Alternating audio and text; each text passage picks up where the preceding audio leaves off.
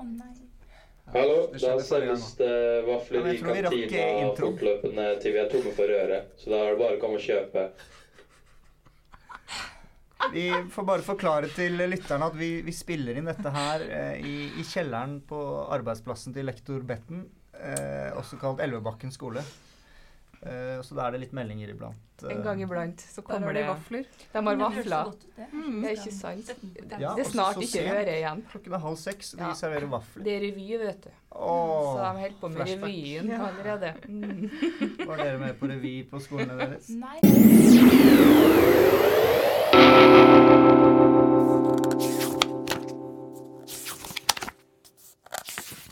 Kjære lyttere, kjære medborgere, kjære bokvenner. Velkommen tilbake til Bladpodden. I dag skal det handle om etikk, og vi har med oss Ylva Østby. Hei til deg. Hei, hei. Du er nevropsykolog og forfatter. Vi har også med oss Tora Ask Fossen. Hei til deg. Hei. Nyutdannet litteraturviter og kritiker. Og vi har med oss selvfølgelig Du kan si selv hva det heter. Skal, OK, nå Erik, skal jeg, jeg kan si det. Lektor Betten har vi med oss. Litteraturkritiker og litteraturviter. Og her sitter jeg, lektor Meyer. Faktisk. Ja. Mm. Vi er i samme båt. Ok. Uh, før vi starter, skal vi snakke litt om hva vi leser for tiden. Er dere klare? Da spinner jeg uh, um, blyanten. Og det ble Ylva. Yes. Vil Ja. du fortelle oss hva du leser for tiden? Ja, jeg leser eh, noe som ikke, kanskje ikke overrasker så veldig akkurat nå. Jeg leser Olga Tokarczuk, ah. 'Løperne'. Og uh, den er uh, utrolig rar og uh, veldig spennende. Og plutselig kommer det sånne små eventyr og fabler og historier og sånn inn fra den ene siden og den andre siden. Og, eh, men litt, på en måte litt slitsomt å lese nå i liksom eh, eh, oktober-november-stressperioden, hvor eh, jeg føler at hodet mitt er så fragmentert fra Ah, ja. før av. Så boken den, er fragmentert? den er veldig fragmentert. At du, kunne, du kunne ønsket deg noe mer liksom rolig og forskjenket? Eh, Kanskje noe som holdt, eh, holdt liksom Ja. eh, Men er det en tradisjon der å, å Ja. finne Nobelvinneren og så lese en bok av vedkommende? eh, Det er det ikke, men jeg hadde tenkt å gå på det arrangementet på Litteraturhuset.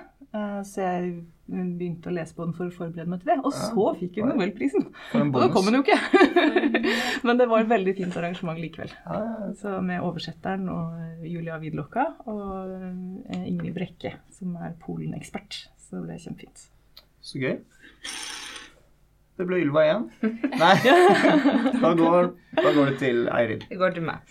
Jeg leser eh, 'Barneloven' av Ian McEwan. Eller jeg gjorde den ferdig i går kveld. Eh, Og når vi snakker om etikk, så er jo det en ganske interessant roman. Det handler jo om en, en høyesterettsdommer som blir satt til å eh, avgjøre et liv, rett og slett. Det er en, en ung gutt som er, eh, har fått leukemi, og, men er òg eh, en medlem av Jovas vitne av den kirka. De kaller det en sekt i boka, eller hun liker å Dommeren kaller det for en sekt. Um, og da er det jo spørsmål skal vedkommende få blodoverføring eller ikke. Og det er, og det er jo selvfølgelig i denne så er det et stort etisk spørsmål, et eksistensielt spørsmål. Mm.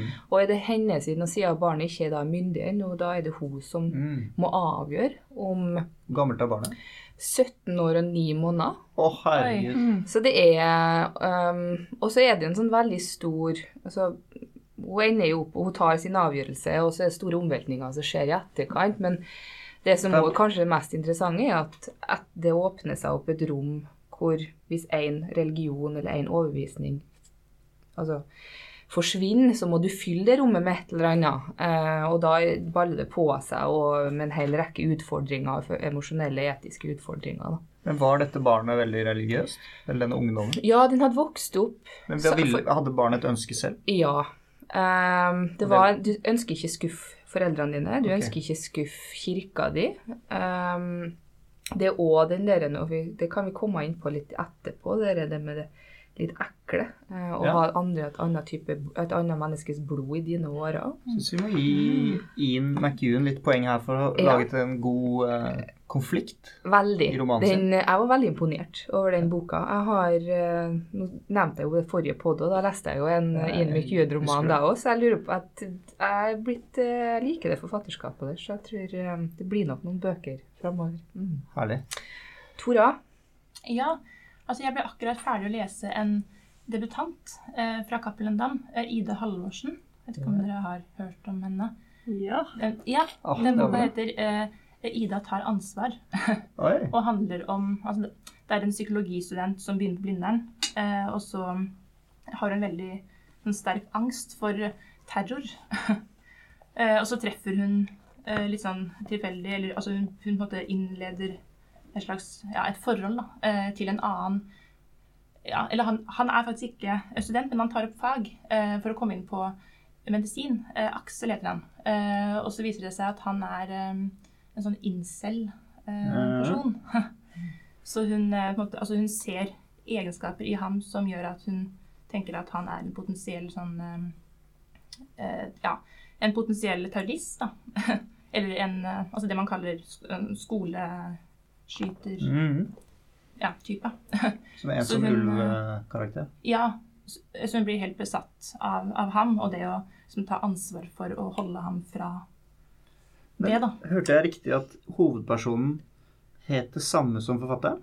Eh, Nei, eh, forfatteren heter Kjersti Halvorsen. Sorry, Åh! herregud. Ja, du sa Ida Halvorsen. Ja, beklager. Det var, spen det var spenstig å Fordi kalle jeg tenkte på ja, ja, det, romantittelen. det interessant. Det Eh, var en freudiansk liten Veldig bra at du påpekte. Kjersti Halvorsen heter hun, ikke Ida. Jeg føler det du viser meg, at vi, vi har en tendens til å blande forfatter og hovedperson. Ja. Og med god grunn.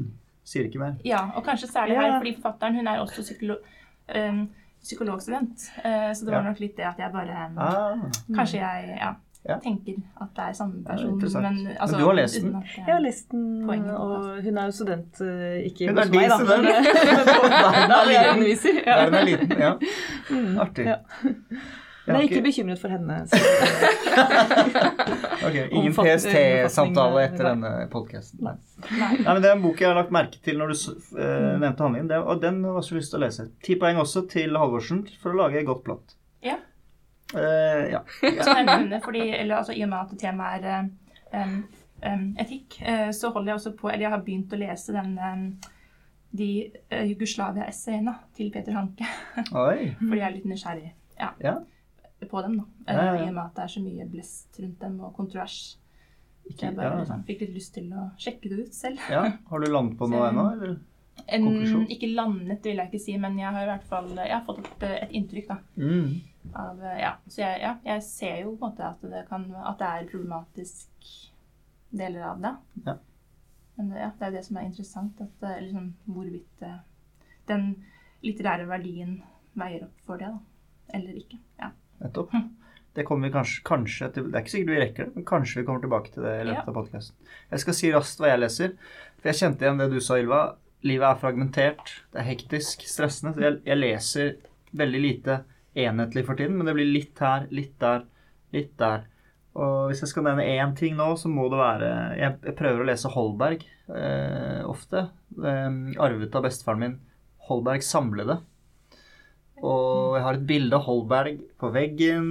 Og, så jeg er litt sånn opptatt av Holberg, og da er det den politiske kannestøper. Men han er jo den store moralisten ikke sant, i nordisk litteratur. Så kanskje vi kommer tilbake til Holberg også i løpet av denne podkasten. Mm -hmm. Ja. Ja, det må jeg si. Jeg trenger litt sånn lett uh, Litt sånn lett å holde det gående med i oktober, liksom. Han er, han er morsom, han. altså. Men vi er jo òg her for å diskutere tekstene til eh, både Ylva og Tora. Eh, Først ut er Ylva sin, eh, sin tekst om, som heter 'Førsteklasses avsky'. Kan også nevne at Ylva også akkurat har gitt ut en novellesamling som heter 'Passasjerhistorier', som kom ut i august. Og i dette um, essayet så reflekterer hun rundt uh, de fysiske konsekvensene av å lese litteratur.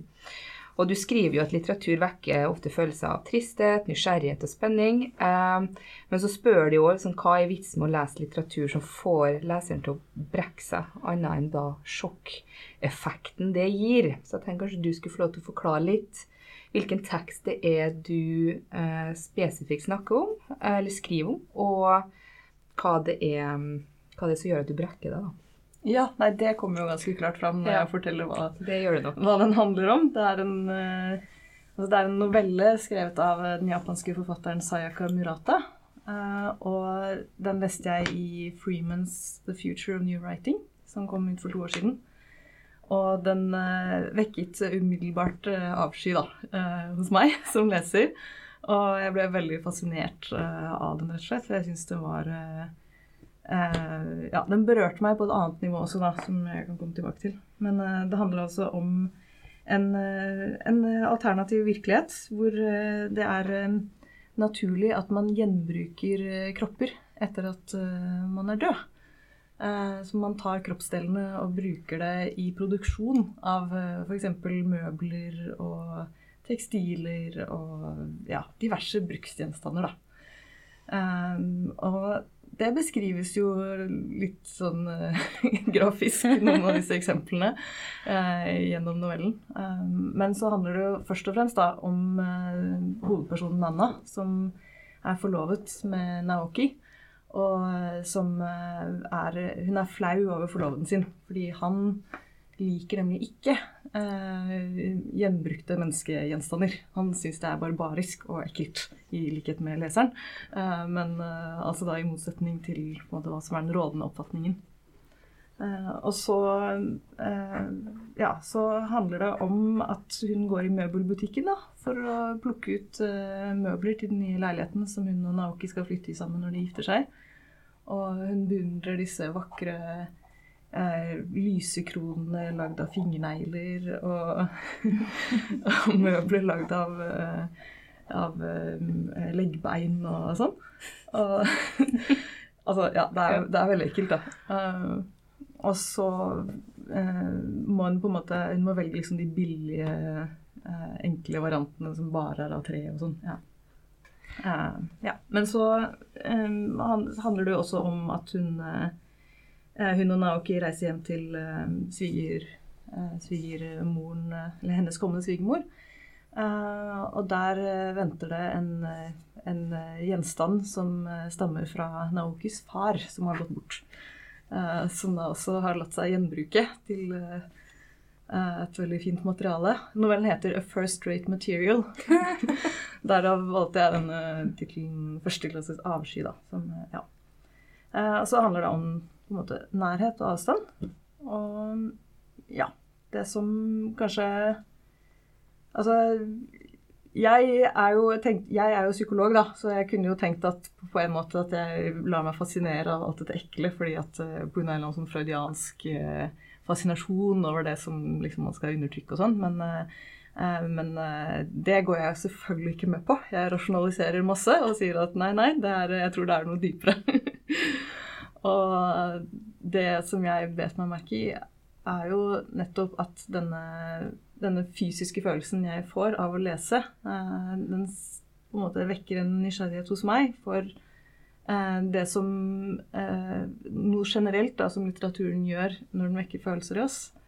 Og som denne novellen kanskje tar litt til det ekstreme. Da. Nemlig at min følelse, jeg som står på en måte utenfor handlingen og det som skjer, på en måte blir trukket inn i teksten gjennom at jeg har en sånn fysisk reaksjon. Mm.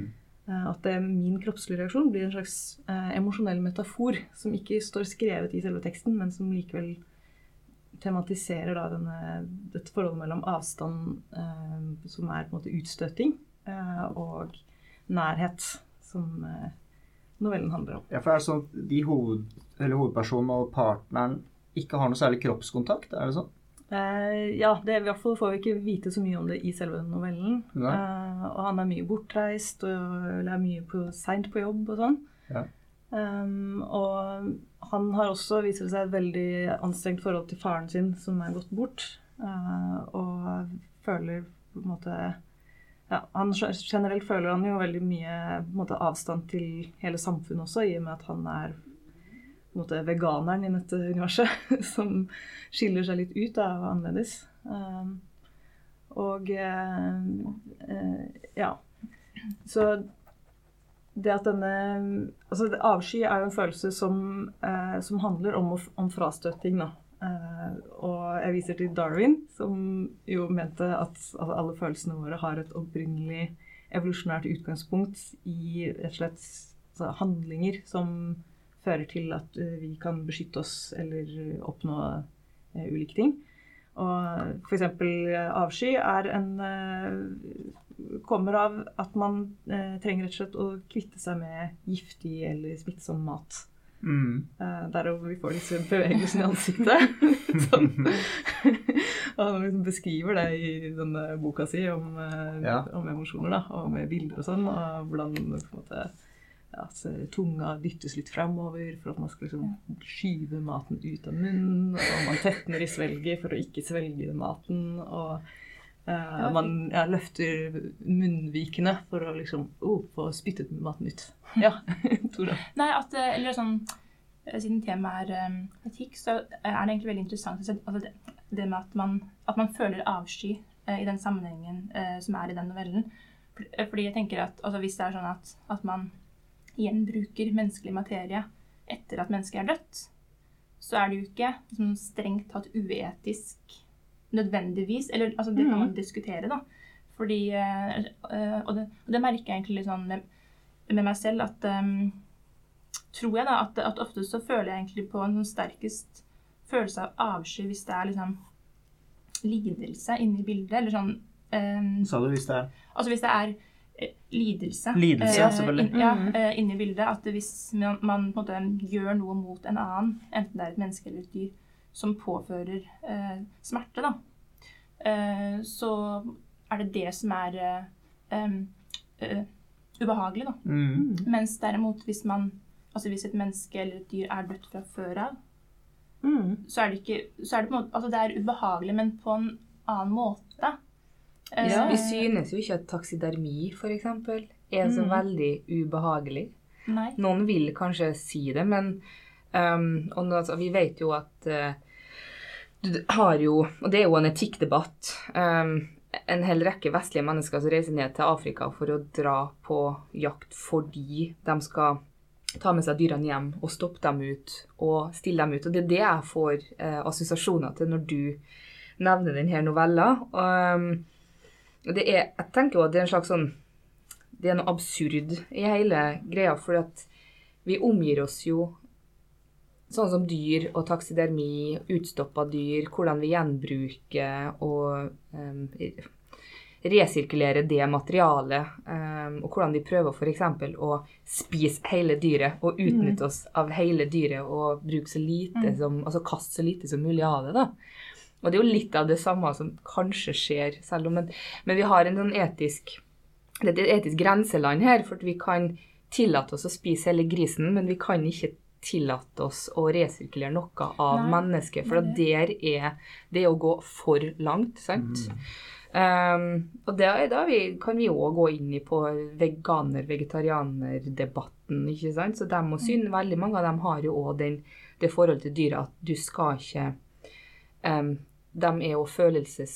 Altså vesen av følelser, blant annet, da, som du skal ikke Og refleksjon på et eller annet sett og vis, du skal ikke gå dit og Eller du skal ikke gå så langt at du faktisk um, forbruker det Forbruker dyret i å konsumere det, da, på en måte. Mm. Ja. Um, Jeg tenker litt på Når jeg leste teksten og det dere sier nå eh, Tibetanske munker som Høyt oppe i fjellene, når de dør, da, så tar eh, deres hva skal jeg kalle det, kolleger og venner, og, altså med, medmunkene, tar kroppen, kutter av kjøttet og gir til fuglene.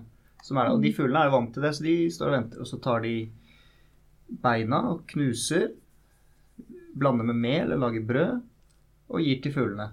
Og for dem, Jeg jeg ser jo ansiktsuttrykket når jeg forteller dette, så, Ja. så får jeg en reaksjon. Men for dem så er jo ikke Dette er deres livets gang, circle of life, og det, deres mest naturlige måte å ja, utnytte kroppene mest mulig. Um, så det, har, det må ha mye med kultur å gjøre, da. At akkurat det er ekkelt. Men i de fleste kulturer er det jo tabu med de kroppene. Ja, for Mm. da tenker jeg at, eh, at avsky uh, henger mye sammen med tabu. At man kanskje at man på en måte gjør grimaser osv. når man måte føler at det er en forventning om det, kanskje, fra omgivelsene. Ja. Sånn som nå altså det, Mhm. Da jeg gjorde en grimase av det du sa, Ja. så tenker jeg at, eh, at ja, det kanskje delvis var fordi at jeg på en måte tenkte Ja. at nå, nå bør jeg gjøre en grimase, fordi det er per definisjon ekkelt. Men og så tenker jeg også at eh, eh, at jeg hadde jo helt klart altså, kjent på et visst ubehag hvis jeg skulle på en måte altså, gått med en genser da, som er lagd av menneskehår. Det hadde vært ja, veldig sånn som i novellen her. Ja, Ja. det hadde vært veldig eh, unaturlig. Eller føltes veldig unaturlig og ja, ekkelt på én måte. Men på en annen måte så Egentlig litt ålreit. Nei, ikke, ikke akkurat det, kanskje. Men jeg hadde jo kanskje kunnet sove godt om natta for det. Ja. Hvis det var et menneske som ikke hadde liksom blitt plagd og drept, men at Vi har jo lampeskjermer. Lampeskjermer laga av dyrehud. Det, Jeg skal ikke trekke det Det er vel noen historier fra nazismen Ja. nå som vi kanskje ikke behøver Ja, å trekke veldig- Altså, det Men det, det mm. tenkte jeg faktisk Den assosiasjonen fikk jeg også når jeg leste Mm. novellen, og det bidrar jo bare enda mer til den avskyfølelsen. Ja. At jeg hadde på en måte de eh, mentale skrekkbildene fra Ja. holocaust Ja, ja, og sånn. ja. Ja. Så selv om ikke, dette ikke handler om det i det hele tatt, da. Og steder jeg har sett Du har sånne Explorers Club rundt omkring i verden i gammelt av hvor de kunne henge opp hud fra mennesker med mørk hud, f.eks. Som, ja, Men som da, en slags sånn Jeg- Se på dette. dette. Jeg har lært noe denne uka her. At eh, For vi, dem- det er jo så veldig mange Altså, det er Tatoveringer nå er jo blitt em, Det er ikke lenger bare sånne små ting som jeg ikke, som du tok på 90-tallet. Du tok noe på armene dine, eller hva det nå skal være. Men det er jo sånne enorme kunstverk. Eh, så i USA nå så er det en trend der eh, mennesker som har svære, dyre kunstverk på ryggen sin, og ofte er jo sånne Um, de tatovørene er jo kunstnere òg? Så de, det er jo deres sine verk, da. Eh, men mennesker som, har, som dør og har de her tatoveringene på kroppen, får det her nå skåret av, tørka Mm. og ramma inn. Er det sant? Ja. Men det er jo fra en Roald Dahl-novelle. Er det det, ja? Han er god på det Han er god på det når Roald Dahl er mye av skylden. Bare der er det jo Der eieren av den tatoveringen blir jo drept, da. Men eh, Ja, ja. så er tatoveringen. Det sier du nok, Den hadde jeg glemt. Det, Det var godt at du nevnte Roald Dahl. Han er jo kongen av, av liksom ekle ting, da. Mm. Jeg har bare lyst til å si en ting. Jeg tror nemlig at den mekanismen du beskriver, er- kan ha sånn evolusjon... Du er jo psykologen her, nå får du si hva du tenker om det. Evolusjonspsykologisk eh, årsak til at vi må jo støte vekk bakterier. Mm. Så døde kropper blir jo farlige etter hvert for mennesker. Um, og så eh, ser jeg Jeg jobber på et arbeidsrom på en skole med la oss si åtte-ni andre mennesker. Det er veldig stor forskjell på hvor toleransen for bakterier er. ikke sant? Så noen føler jo avsky veldig fort hvis de ser litt gammel frukt. Eh, og det har jo en funksjon, for da holder de det rent, og vi får mindre bakterier. Mens andre, inkludert meg, jeg, jeg føler ikke Jeg skal veldig mye til før jeg føler avsky. da. Og det har også en funksjon, for da kan jeg ta litt sånne drittjobber. Ikke at jeg gjør det på jobb, men et, Jo, nå har du sagt det. i et, i et steinaldersamfunn, da. Altså Det er ikke behov for den type arbeid på jobb, men i et steinaldersamfunn så kunne jeg vært gått ut og gjort ting som andre ikke ville gjort da, pga. den toleransen. Så jeg føler at det har det kan, Hva tenker du om den evolusjonspsykologiske At det rett og slett er litt differensiert. da, At det Ja. er bra sånn evolusjonært Ja. at man har litt forskjeller Yes. på det. Ja, det kan godt, eh, kan godt hende, det. Ja. Veldig bra. Ja. Men, jeg, ja, men jeg tenker jo, altså Grunnen til at jeg trakk inn Darwin i dette i det hele tatt, var jo rett og slett det at eh, denne der frastøtingsfunksjonen da, som det avskyelige har, som er veldig umiddelbart eh, Når man ser noe som kan potensielt inneholde bakterier eller eh, ja, være giftig og sånne ting, så, eh, så handler det om å komme lengst mulig bort fra det. Og Mm. det er litt den følelsen man også får når man leser denne teksten. At Mm. man bare å, skyver seg bort. Eh, som da på en måte også er litt den samme effekten som er liksom I motivet? Eller, I motivet, ja. Ja, ja, ja. Men jeg vet ikke. Jeg har veldig, for det første veldig lyst til å lese den novellen. Ja. Og jeg er ikke sikker at jeg ville reagert med avsky. Jeg tror ikke Mm. det, men jeg tror jeg ville elsket teksten. ja. Så jeg ville kanskje hatt en annen eh, Vet ikke ennå, da. Men jeg liker veldig godt det du sier om at eh, teksten liksom Jeg husker ikke hvordan du formulerte det, men den griper deg inn da, gjennom den kroppslige responsen du får. Mm. Og er det et eh, tegn på litterær kvalitet, tenker jeg, hvis en tekst klarer det? Ja, på en måte. Ja, fordi at da, det, det betyr jo at den berører ved noe som også er nært. Og det er ja, kanskje mm. den, den dynamikken du også, eller du skriver om, da. At hvis man føler avsky og føler på et, et sterkt et, eh, et behov for å støte noe fra seg, så måte, impliserer det at, man, at, det er, at det rører noe ved en. da. Mm. Og så er spørsmålet hva det er. Og det syns jeg også er, eh, egentlig er veldig interessant med, den, altså med, med, med avsky eh, som følelse. At det, at, det, at det er noe sånn altså På en måte er det noe veldig sånn selvisk ved den følelsen. Fordi at, eh, at den, den signaliserer at det er noe ved en selv. Eller, eh, eller at det er noe som, som kommer så nært innpå en selv at man Mm. vil ha det bort. At det er noe som på en eller annen måte Ja, at det treffer noe igjen, da. Mm. Sånn at man, man vil verne seg mot det.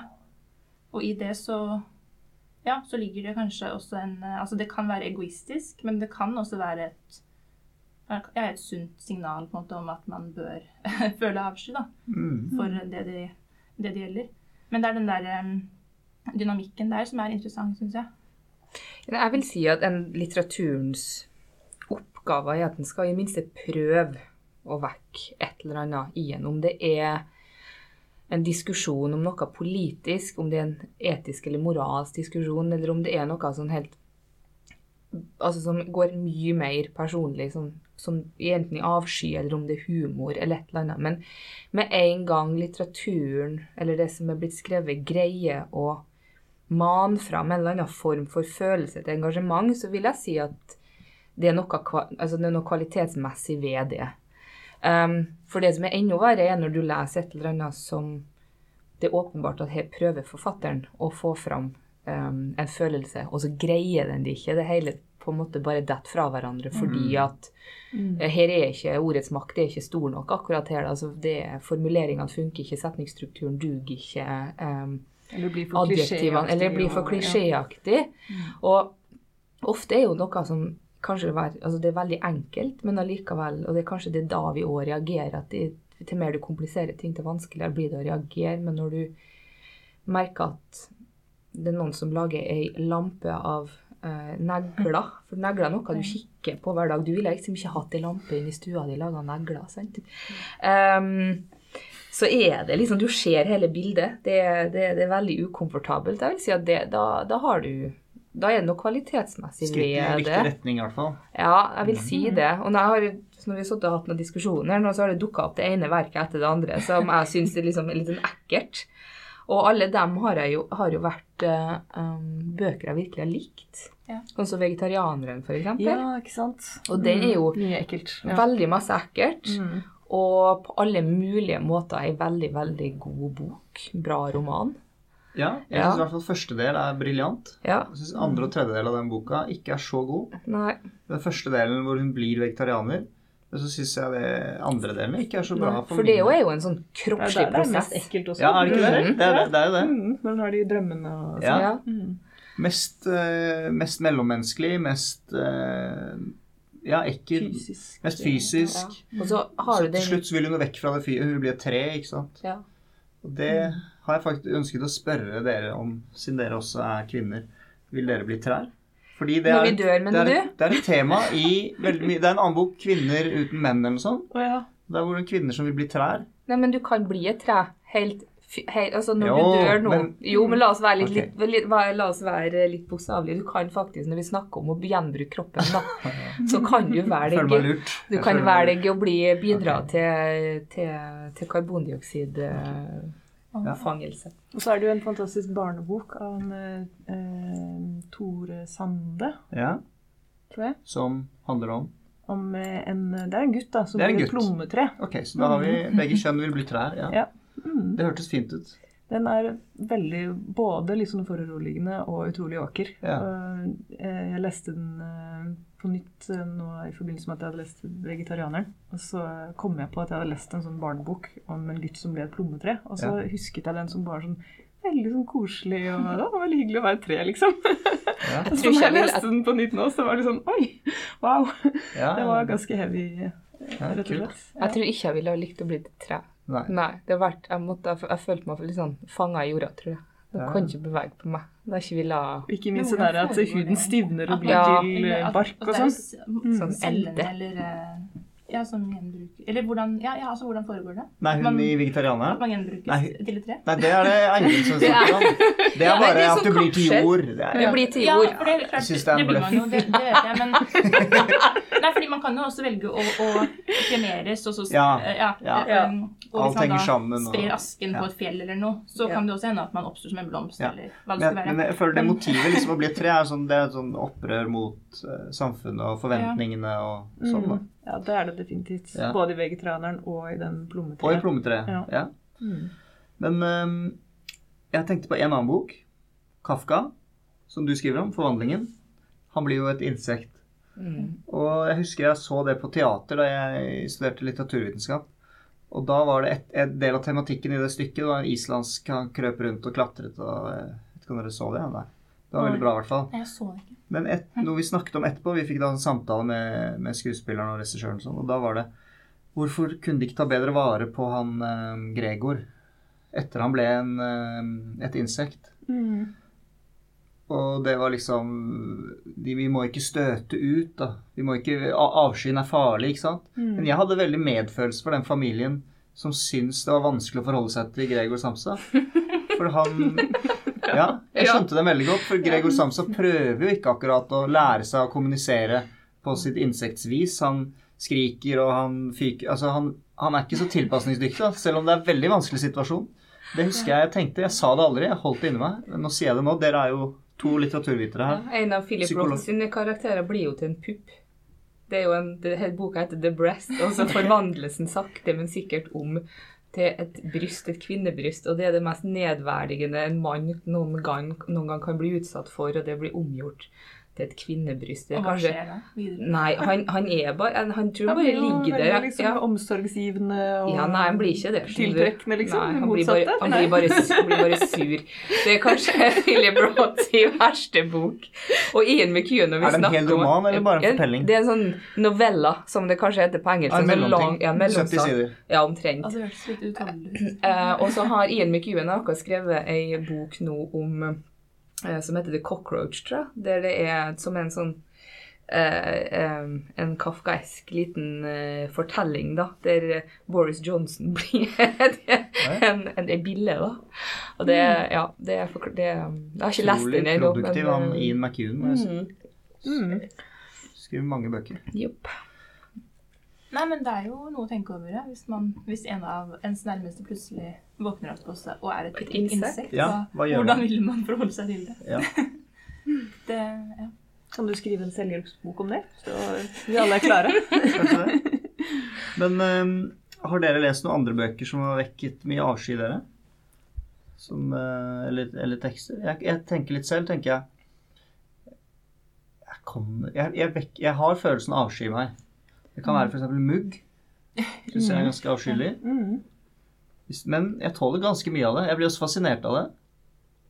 Blod er Mm. klassisk. Åh, eh, ja, ja, men spagetti kokt Når det er helt Og så blir eh, landet de helt perfekt i et sånt perfekt mønster.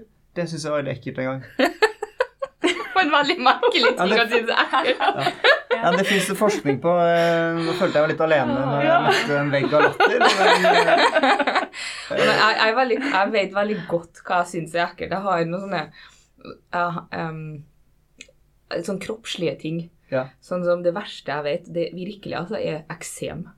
nei, Det er det verste jeg vet. Jeg husker, jeg har sånn har du lest om det i noen bok? Nei, jeg har traume fra biologien på videregående. Det var, jeg husker ikke hva vi leste om, men det var sånn svært bilde i hvert fall av, et, av en mann med fullt av sånn psoriasis på hele kroppen. Jeg, hver gang jeg skulle- jeg leste prøver og sånn, jeg måtte alltid legge et papir over. Det hørtes ganske fælt ut, da. Det var helt forferdelig. Og alt jeg får, da får jeg sånn følelse av å være fanga inn i sin egen kropp og ikke komme Mm. ut av det. Pluss at det er bare veldig ekkelt. Og da kan man jo tenke, da ligger det kanskje også en sånn empati i Det at du føler jo avsky, det. fordi det, det må være skrekkelig for han. Ja, for Ja. ta var sånn, sånn Mm. heldekkende, men alt som har med eh, eksem og sånne Ja. hudgreier å gjøre, Ja. syns jeg er litt ubehagelig. Sopp Men, men på, det, norsk, jeg ble nysgjerrig på dette spagettimønsteret. Det var en greie, sa du? Ja, jeg mener å huske det. eh, at Du er ikke alene om dette. Nei, jeg håper ikke det. Men at det, var no, det er noe med når det ble sånn mønster som Ja.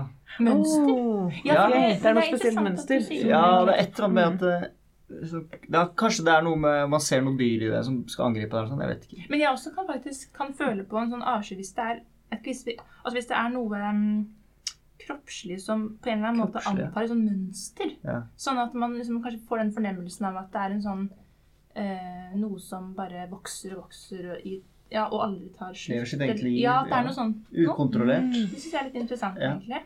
Sånne ja, mønstre. som det er ikke så lett kan å formidle i litteraturen, tror jeg. Nei. nei. Men jeg kom på en forfatter, Amalie Skram, er jo, hun var jo opptatt av det naturalistiske, det ekte. Så hun var det mange som syntes var veldig ekkel. da.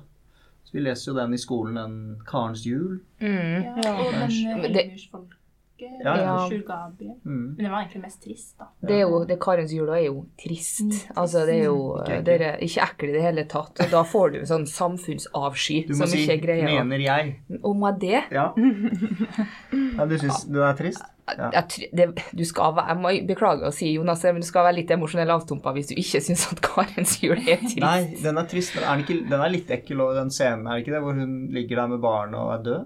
Jo, men greier du å synes at det er Nei, ikke heller. Jeg syns det bare er jo, trist. det uutholdelig man kan føle flere ting på en gang. Ja. Det var jo det jeg gjorde når jeg leste den Murata-novellen også. At jeg Ja. følte jo både avsky, men også medfølelse Ja. og interesse og glede og allting. Mm. Men nettopp det er egentlig veldig spennende, fordi at jeg tenker at ofte, eller, ofte så kan Altså hvis det er én følelse som er så sterk eh, at den tar overhånd, eller at den tar over for de andre, så, blir det, så kan jo det på en måte svekke leseropplevelsen også, Mm. i verste fall. Eller sånn Eller altså Det det, det, kommer an på hva som er, er fatterens intensjon, da. Men jeg tenker sånn hvis man F.eks. Karens jul, da.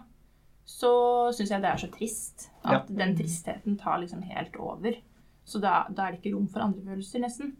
Men, eh, Og så kan man jo diskutere om, ja, om, det er, om jeg da er på en måte, den intenderte leseren eller ei. Men, men eh, mens i andre tilfeller så er det kanskje mer ja, altså at det er flere følelser som får plass. da. Mm.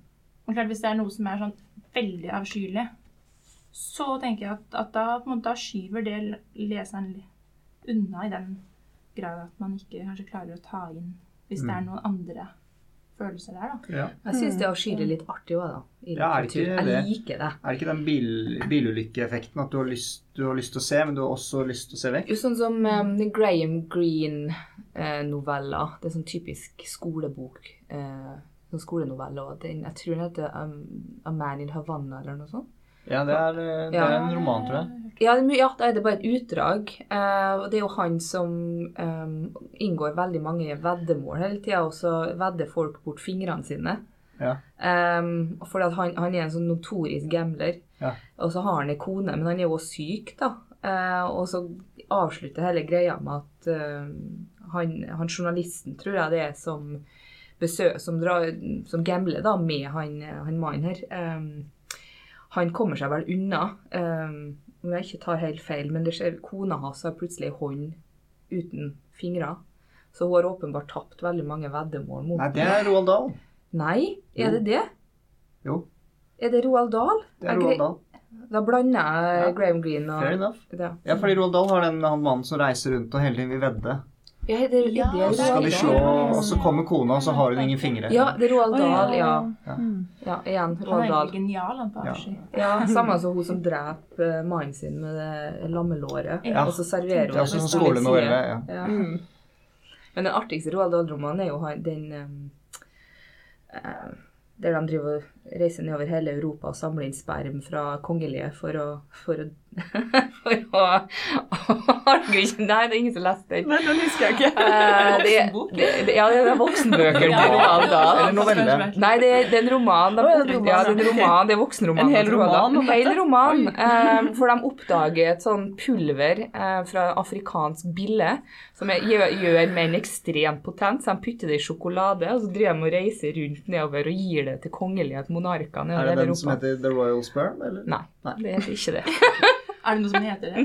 Jeg tror det. som tar for seg samme tema? My Uncle Oswald heter den. My Uncle Ah, of Oswald. course, of Mm, course. mm. Skal vi gå kanskje over til Tora sin, eh, Ja. sin tekst? Vi, eh, vi får uh, snakka litt om den nå. Ja. Skal vi se. Jeg må Der er det. Du har i denne utgaven av Blad skrevet et essay som jeg tror er basert delvis på mastergraden din.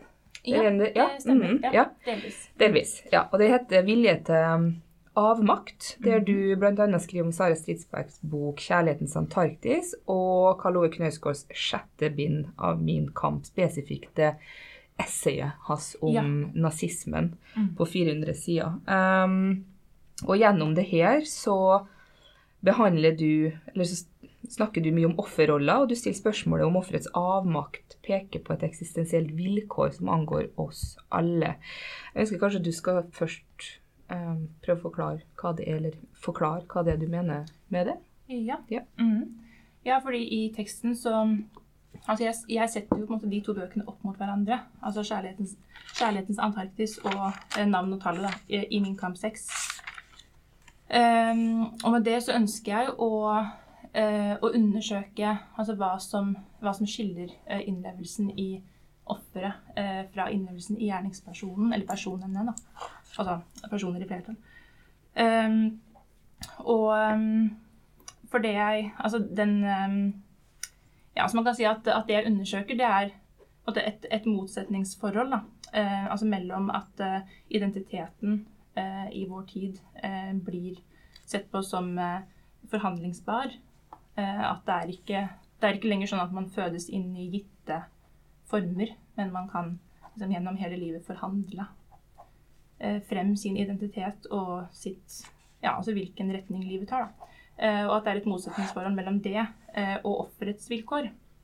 For jeg tenker at, at det å være et, et offer, det vil jo på en eller annen måte si at man, at man er Altså at man blir påført, eller at man lever under vilkår som, ikke, som man ikke kan velge. Um, og at i det så Ja, så, så på en måte ligger det en um, noen uh, vilkår som også angår oss alle. Uh, fordi at det å være menneske er jo sånn at man, uh, at man er ikke Man kan ikke velge å handle seg på en måte fri fra alt.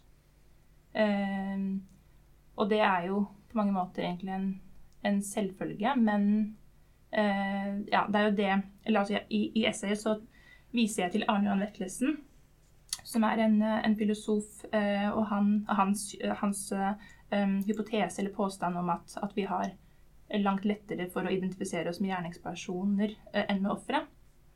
Og da eh, på en måte bunner jo det i altså, vår tid, eh, som er eh, individualistisk og liberalistisk prega, da. Som, eh, måte, som tilsier at vi At det er en måte lite rom da, for, eh, for det perspektivet på å være menneske eh, som innebærer at man, at man ikke kan velge. At man, eh, at man blir eh, satt i en situasjon som er som den er. Og så må man eh, ja, forholde seg til de gitte vilkårene. Eh, og i 'Kjærlighetens Antarktis' så, så handler det jo i høyeste grad om ja, om, om det, da. Eh, for, altså jeg tenker at, eller, altså Det jeg fant veldig interessant da med den boka, det var, eh, altså det var min, min leseopplevelse eh, i kombinasjon med anmeldelsene eller eh, mottakelsen av boka i media. Jeg, jeg, jeg merket meg ved at, eh, at en del anmeldere eh, stilte spørsmål ved det at, eh, at boka ikke byr på noen sånn åpenbar forklaring eh, på hvorfor altså offeret i boka, eh, Kristina, eh, går under, eller, eller hvorfor hun ikke kommer seg ut av den offerrollen. At, at, at boka Det er ikke sånn at, man, at den anskueliggjør strukturene som gjør at hun eh, ender opp der hun gjør. Eller der hun Ja. At hun eh, ja, går under, da, for, eh, for sin For de vilkårene hun lever under. Mm, ja. Ja, vil, det, vil det da si at um, Hvis jeg skjønner riktig, at hennes identitet som offer da ikke lenger er Hun kan ikke forhandle med den identiteten? Eh, ja, eller det er, det er jo det jeg tenker at, at boka beskriver. Altså hvordan hun Fordi hun Altså hennes eh, liv ender jo veldig Altså veldig dårlig. Mm. Hun ender med å bli drept. Eh, og, og det jeg tenker at, at boka viser, er på en måte at, eh, at det er hennes, eh, hennes opplevelse eh, av de mulighetene hun har. Sånn at hvis man betrakter det på en måte utenfra, så kan man jo alltids peke på eh, hvilke strukturer som gjør at hun står der hun står, og hva hun må gjøre for å komme seg ut av det. Og at det ligger jo en, en, en, en sannhet i det også.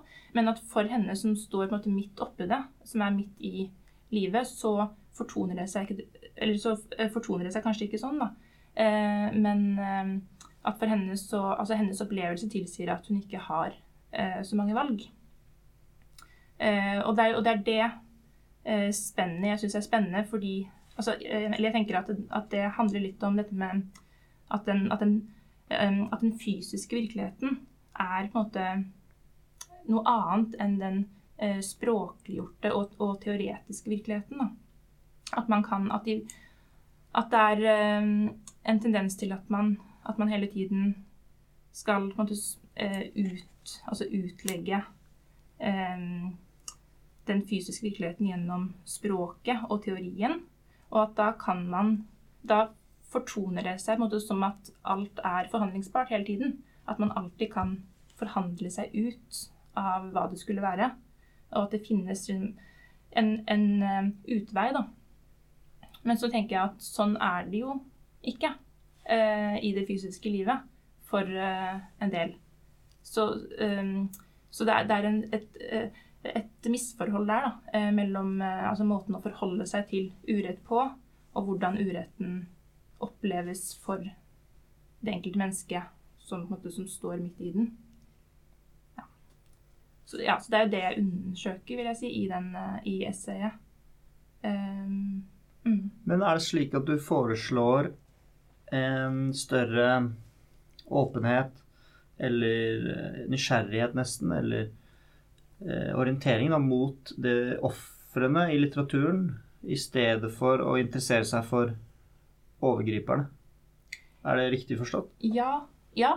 Eh, og når, altså, jeg mener jo at det absolutt er veldig mye å hente i å skrive om gjerningspersoner og, og, og det å utforske liksom, deres perspektiver.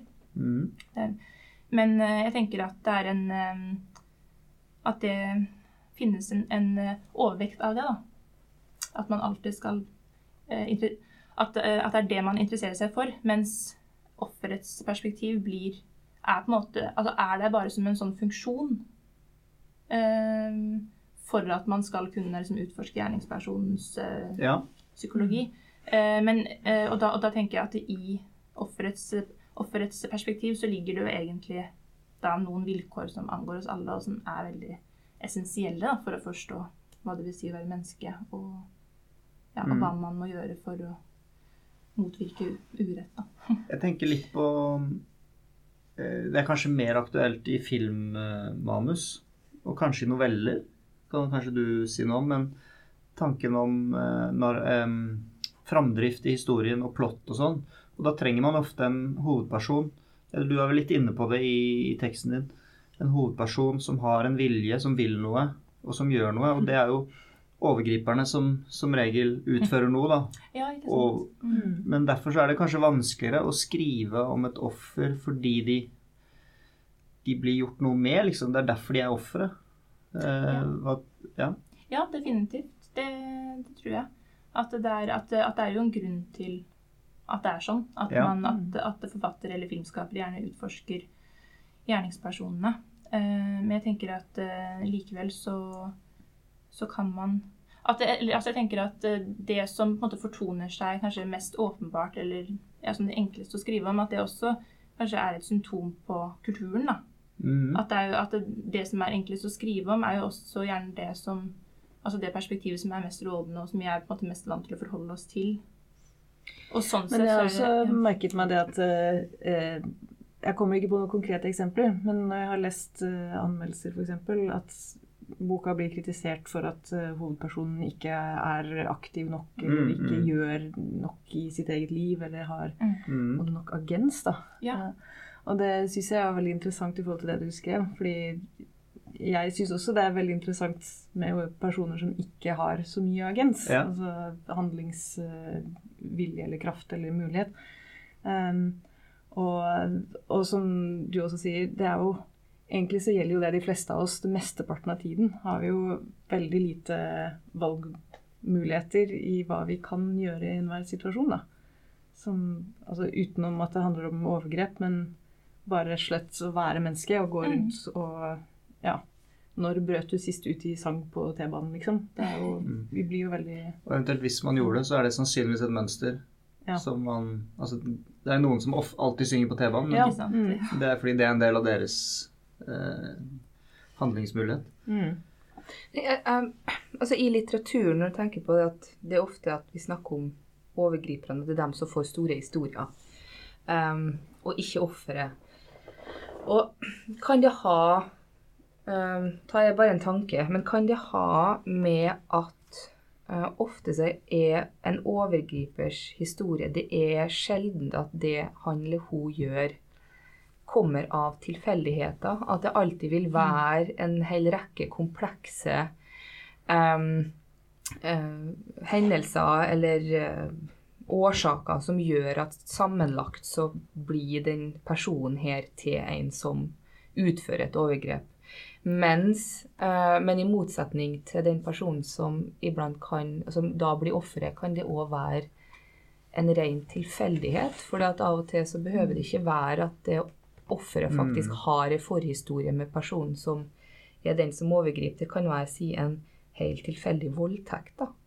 Og da har du en forhistorie på den ene karakteren, men du vil ha egentlig en blank historie på den andre, fordi at det offeret da er utsatt for um, en tilfeldighet. Det må være noe der med oppbyggingen av en historie. Jeg Men, ja, men da er det jo og, det, er jo det som er interessant, det er jo da hvordan offeret takler den situasjonen. Da er jo den, da, det går, altså, da får vi jo um, Hvordan behandler da offeret livet i etterkant? ikke sant, Som snakker om agens, da, blant annet. Ja. skal det offeret helst eh, være et godt offer og mm håndtere det ved å, Mhm. ved å utøve agens, da. Ikke Ja. sant? Ja.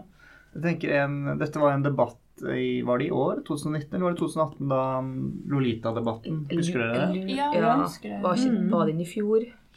Jeg tror Ikke ja, i år, i er hvert fall. Nei, omtrent et da. år pluss omtrent ikke. Ja. Mm. Men, eh, for det blir jo dette drøftet litt, og det var Hva het hun, redaktøren i Fett, som etterlyser mer litteratur som også skrives fra ofrenes perspektiv. Da, og at kanskje vi må slutte å lese Lolita fordi Ikke Hedda Lingås, da? Nei, Nei, det var ikke det. eh, Hun som kom etter henne. Okay. Men jeg tenker en bok som ble trukket fram i den debatten, eh, og som har et sånt offer som ikke er det et godt offer, da. hun som også selv liksom, begynner å gjøre overgrep og er ganske vrien og vanskelig, det er jo den um, Kinderhore Ja. Maria Kjosvold. Kjos som er en veldig aktiv eh, Som både er offer og veldig aktiv og tar valg og For det skulle jeg til å si, eller, å sies da, at det er jo også sånn at altså, skillet mellom offer og gjerningsperson er jo ikke nødvendigvis vanntett. Nei. Men at man kan jo faktisk være begge deler på en gang. Ja. Og at ehm, Men ja. Så man kan liksom se det som at, at ehm, det å være offer, det er nok i større grad sånn at man da at man blir gjort noe med, da. At det er tilfeldigheter eh, eller omstendigheter man ikke rår over, som gjør at man havner et sted. Mm. Som gjør en til offer. Men som gjerningsperson så må du jo i større kanskje, ja, ja, så må du ta mer aktive valg. Ja.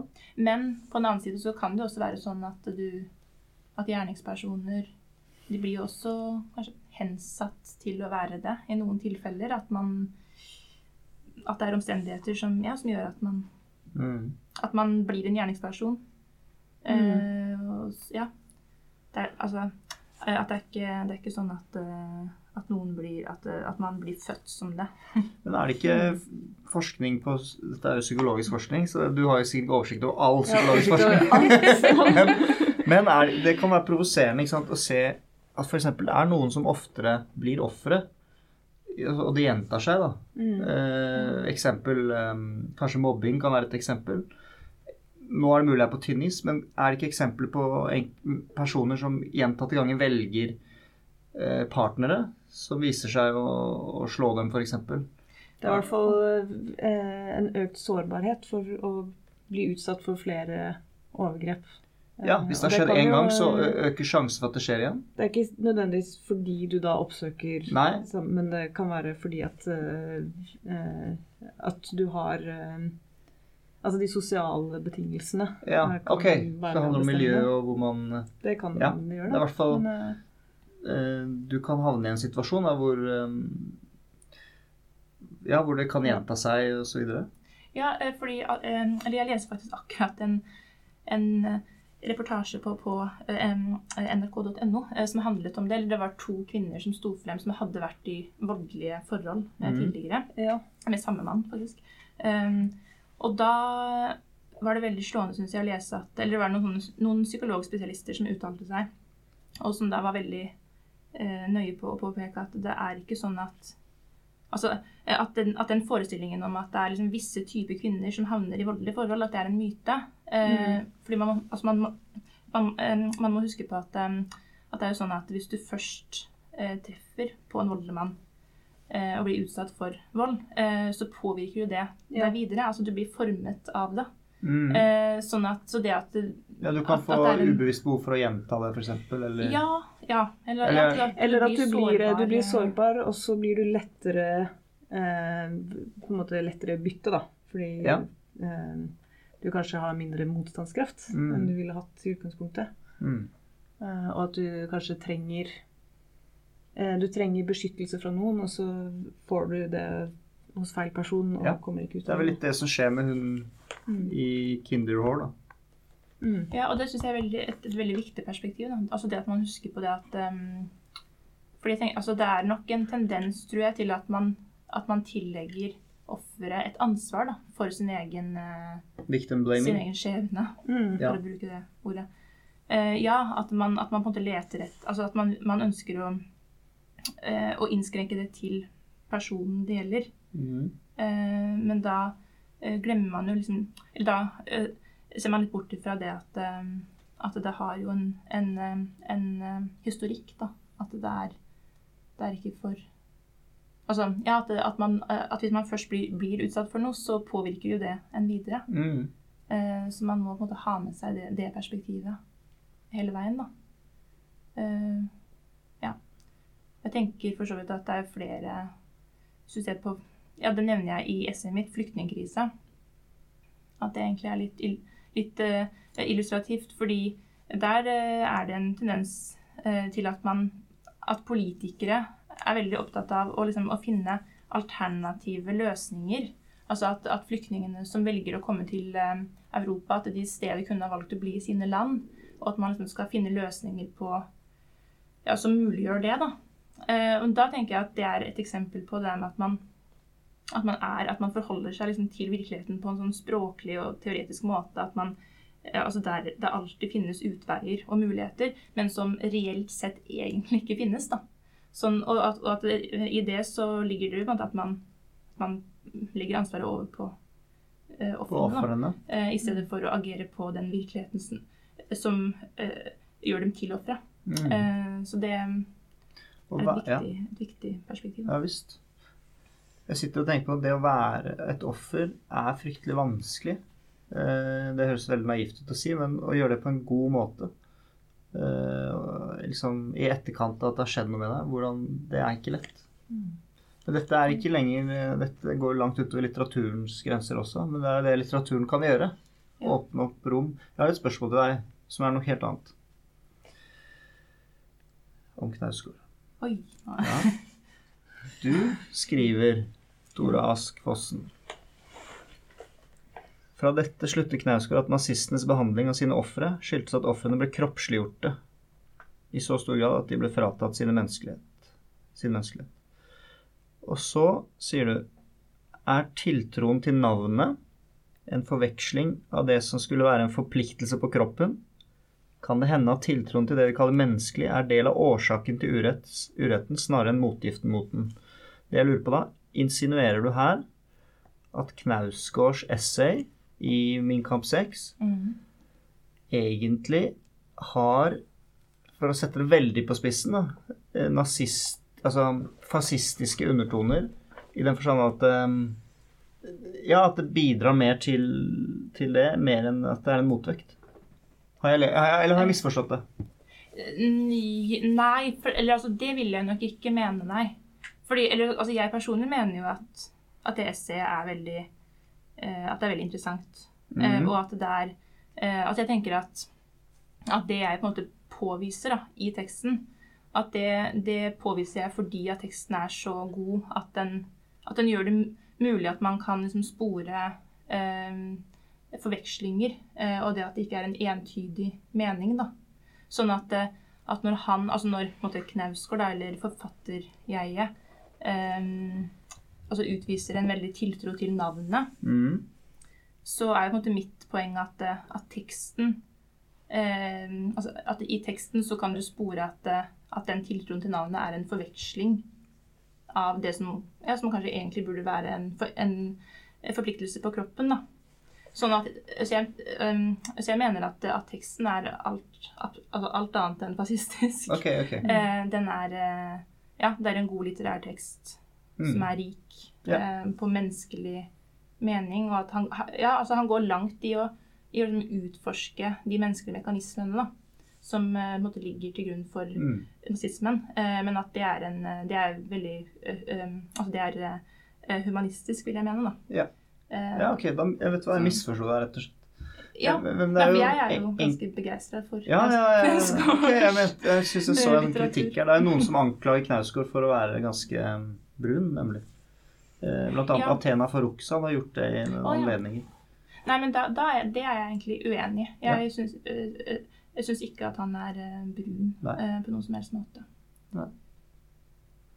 Da tror jeg kanskje vi, eh, vi avslutter der. Eh, Jonas, har du noe Ja. siste spørsmål? Jeg tror du ville stille Ja, vi skulle, ja vi, noen ganger så sier man sånn i, om man snakker om film, hvem er din favorittskurk i film?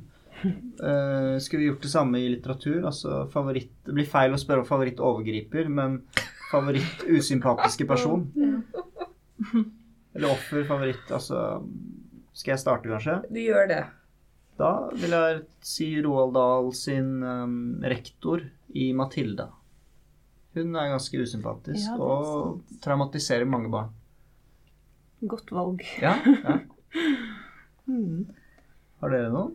Eh, Jeg tenkte på en veldig interessant eh, Eller ikke, kanskje ikke skurk, da, men som har fått mye skyld. da. Eh, Det halvgjerd i Njål-saga. Oi! Som uh, nekter å gi av håret Ja. sitt til en sånn buestreng. Stemmer det. Men har jo Kan du ikke bare ta den scenen kjapt for oss? Uh... Ah, Jeg klarer ikke å gjengi Altså, altså han men de står er der, jo- Mannen står der og Ja. skal forsvare seg inne i huset Ja. og skyter piler på de som kommer for å drepe ham. ja. Og så ryker buen. Mm. Og så ber han om å få litt hår fra den lange, vakre fletten hennes til å lage en ny buestreng, og så sier hun nei, det vil hun ikke da. Og da blir han drept. Eller? Ja, jeg tror det. Eh, ja.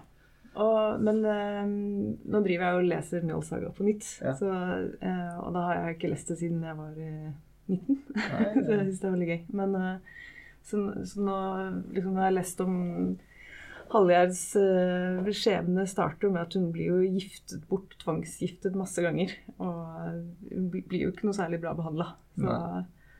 Jeg skjønner godt at hun er litt generelt pissed Ja, ja, ja. på, på mennene rundt seg. Mm. Har dere noen bad Ja, Bad- jeg begynner jo bad å guys, tenke bad på women. eh, Det er så mye barnelitteratur som dukker opp. for det, Kanskje det er fordi det er så binært. Det er så godt og ondt eh, Mm. i barnelitteraturen. Og da, da er vi jo inn på, på veldig masse. Men jeg begynner jo å tenke på kanskje den mest misforståtte skurken som ikke er en skurk, men du bare oppfatter som når du er barn. Og det er Hufsa i Mummitrollet. Ja. Oh, ja. Og det er, for hun vil jo egentlig bare ha venner. Mm. Men hun er så skummel, og som barn så blir du så skremt av henne, for hun kommer med den der lyden, og så fryslegger hun hele landskapet rundt seg, og så lager hun sånn ekkel lyd. Så sånn Fantastisk karakter. fantastisk karakter. Ja. Men så er det jo egentlig hatt i fnattene og så den isdronninga som egentlig er, Ja, ja, ja. er skurken i Mummitrollet, men, men eh, det er sånn skurk som ikke er skurk, da. Ja. Tora? Ja, nå sitter jeg og tenker så det knaker, for det er, det er jo altså, sikkert Altså, det er jo egentlig mange å ta av. Ja, det er altfor Men, det er mange. de kommet, men, nå, Ja. men så slo det meg eh, Hedda Gabler. Ja. Hun er Ja. jo en interessant eh, skikkelse. Mm. Og også litt skurk, Ja. på en måte. Men også offer. samtidig Eller ja, kan Ja, ja, ja. man argumentere for. Det. Dette går vel ofte hand i hand. Har vi ikke funnet ut litt det nå? Jo. Offer og, og skurk. Mm. Og så vil jeg også bare si, fordi i stad så ble Nabokov nevnt, altså den Lolita. Og da liksom, Eller ja, jeg ville bare ha sagt at eh, Fordi jeg mener ikke at at, så, at, at, det, at sånne typer bøker skal legges beslag på, eller at man ikke skal At man skal liksom, innskrenke på gjerningspersonens perspektiv.